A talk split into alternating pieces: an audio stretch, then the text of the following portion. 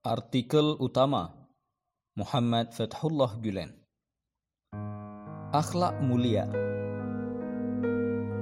Pastilah terkadang ada masanya ketika seseorang merasa emosi dan penuh amarahnya. Kemampuan menahan amarah di saat seperti itu dianggap sebagai sebuah karakter yang sangat penting dalam agama. Mampu memaafkan kesalahan orang lain di satu sisi dan tidak meluapkan amarah meski ada alasan kuat untuk bersikap seperti itu di sisi lain serta tetap bersikap sabar dan lemah lembut merupakan sifat seorang mukmin. Rasulullah Shallallahu Alaihi Wasallam bersabda, orang mukmin yang paling sempurna dan paling matang adalah mereka yang paling baik akhlak dan hubungannya dengan sesama manusia. Melalui hadis ini, Rasulullah telah menunjukkan pada kita sebuah jalan untuk memaafkan dan cara untuk memiliki akhlak mulia. Ya, adalah dengan akhlak dapat dicapai kesempurnaan manusia, dan dengan akhlak mulia pula dapat digapai keteraturan semesta. Manusia yang jiwanya telah dihiasi akhlak mulia takkan mengubah perilakunya meski seandainya ditempatkan di neraka sekalipun. Di sana, ia akan tetap hidup dalam garis kelemah lembutan bercengkerama dengan Zabaniyah, sang malaikat penjaga neraka, dan menerima segala yang terjadi padanya dengan penuh kelapangan dada. Kalbu yang terbuka pada akhlak mulia ibarat tempat yang luas. Meski ia penuh dengan kesulitan-kesulitan sebesar dunia, tapi masih akan dapat ditemukannya tempat untuk mengubur kemarahan dan kekerasannya. Adapun orang yang buruk sifatnya akan pula sempit hatinya. Tak ubahnya seperti sosok Kabil yang lebih bodoh daripada gagak. Meski berada di tempat yang amat luas, tapi tetap saja tak mampu menemukan lubang untuk mengubur segala macam kejahatan dan kebenciannya.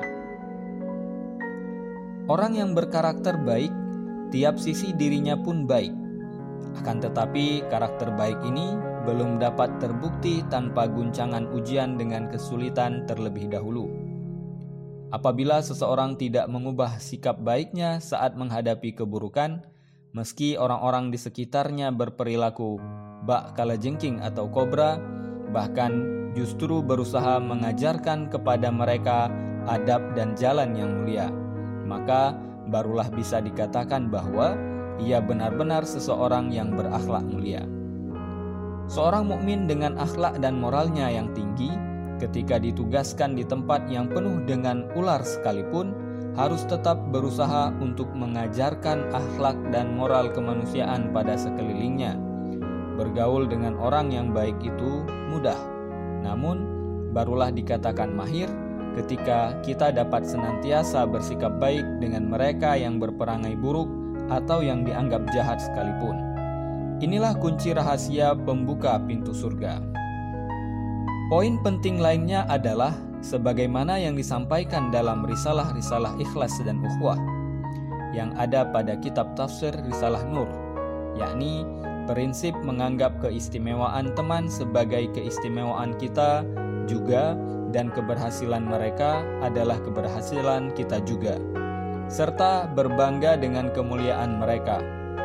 Memuji keistimewaan teman kita dengan tulus, yakni dengan pertama-tama mengucapkan Alhamdulillah, sembari mengarahkan hal itu pada Allah, lalu kemudian berbahagia atas keberhasilannya itu, seolah menganggapnya sebagai usaha kita sendiri, merupakan tanda-tanda keikhlasan. Misalnya, ada salah seorang teman kita yang memiliki kemampuan menulis dengan baik. Ada yang memiliki retorika lisan yang indah, dan ada pula teman lain yang cakap dalam tutur kata maupun dapat menulis dengan baik sekaligus. Allah Subhanahu wa taala telah menganugerahi mereka kemampuan retorika juga kepandaian menulis yang baik pula. Mereka dapat mengungkapkan perasaan dan pikirannya dengan indah dan menuangkannya ke dalam bentuk tulisan pula tanpa cacat.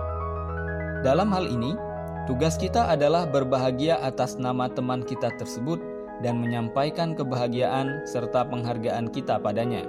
Penting untuk menyatakan hal yang baik ini hingga sampai ke telinganya, tidak dengan jalan menggunjing di belakang, tetapi mengucapkan dengan niat karena Allah Jalla Jalaluhu dan menyatakannya sebagai ungkapan penghargaan bagi dirinya. Kita perlu memaksakan diri untuk bersyukur secara ikhlas serta membiasakan diri dan nafsu mengakui kesuksesan dan keistimewaan orang lain. Hal ini adalah semacam rehabilitasi. Pengakuan ini kita nyatakan suatu kali dan kembali berusaha menyampaikannya lagi di kesempatan lain. Mungkin pada awalnya nafsu kita akan bereaksi, dan mungkin tidak muncul rasa penghargaan dari dalam diri kita. Meski begitu, tetap saja di setiap kesempatan, meski hanya dengan kata sekalipun, kita harus menyatakan pengakuan dan penghargaan itu seiring berjalannya waktu agar tidak menjadi pembohong. Agar kita tidak harus bertentangan dengan diri sendiri, maka kita pun harus membuatnya diakui pula oleh diri kita sendiri. Contoh lainnya adalah, misalnya salah seorang dari teman kita bisa membaca Al-Quran dengan sangat indah. Begitu pula mampu menjalankan tugasnya dengan sangat baik tanpa kekurangan dan dapat menjaga perilaku sempurnanya di hadapan Allah Subhanahu wa taala. Kondisinya ini bisa saja memicu kecemburuan atau giptah bagi orang yang tidak bisa meniru perilakunya itu dan membuatnya berkata, "Bagus sekali teman kita itu, andai saja saya bisa sepertinya." Nabi Muhammad SAW menyebutkan bahwa ilmu dan harta yang digunakan di jalan Allah dan bermanfaat bagi sesama sebagai hal yang perlu menjadi sumber rasa giptah, yakni kita patut merasa giptah dengan seseorang yang mengamalkan ilmu dan menggunakan harta miliknya di jalan kebaikan semacam itu. Seorang mukmin bisa saja merasa giptah ketika melihat kebaikan pada diri saudaranya. Akan tetapi, jangan sampai hal itu menjerumuskannya pada kecemburuan yang mengantarkannya pada kedengkian dan pergunjingan. Yang perlu kita lakukan dalam situasi ini adalah berucap seperti yang telah dicontohkan sebelumnya. Seandainya Allah menjadikan saya seperti temanku itu, sebagai kalimat yang bermakna doa dan menjadikan ucapan itu sebagai penghargaan bagi teman kita, ungkapan penghargaan ini perlu kita sampaikan kepada teman kita, baik secara langsung maupun tidak. Oleh karena ketika salah seorang sahabat berkata, "Ya Rasulullah, Aku menyayangi si Fulan, temanku. Rasulullah pun lalu bersabda, Pergilah dan sampaikan padanya bahwa kamu menyayanginya. Apabila kita senantiasa berperilaku baik kepada teman kita itu, maka sebaliknya dia pun akan selalu berlaku baik kepada kita. Ketika dia melihat adanya penghargaan dari diri kita kepadanya satu, dua, tiga, atau lima kali, baik secara terbuka maupun rahasia, maka pada akhirnya dia pun akan membuka hatinya pada kita. Dengan perkataan saya ini, jangan sampai dipahami bahwa saya mendorong agar dilakukan perkataan dan tindakan yang dibuat-buat atau berpura-pura. Sebagaimana saya katakan sedari awal, bahwa dalam persaudaraan tidak ada yang dipaksakan, serta perwujudan persaudaraan yang kokoh sangat membutuhkan irodah, tekad, dan usaha semua orang. Masing-masing dari kita harus mengikat tangan dan lisannya dengan dasar pemikiran bahwa terdapat seribu serigala di dalam nafsu diri kita yang bisa saja menyakiti sesama. Kita perlu memperhitungkan bahwa setiap manusia memiliki nafsu dalam dirinya yang lebih ganas daripada seekor serigala.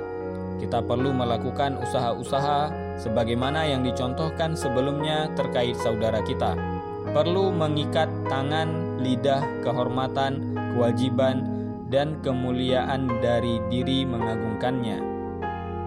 Apabila kita mengatakan tentang seseorang berulang kali bahwasanya dia adalah teman yang sempurna, yang baik perkataannya, bagus tulisannya, sukses dalam karirnya, dan yang ikhlas hatinya.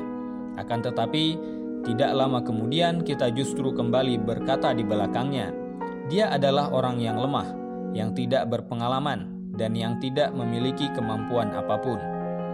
Bagaimana mungkin kita berbicara semacam itu? Tidakkah orang-orang akan menyaksikan kejujuran kita? Tidakkah mereka akan berkata, Kini kamu menjadi orang yang memalukan. Perkataanmu yang mana yang dapat kami percaya?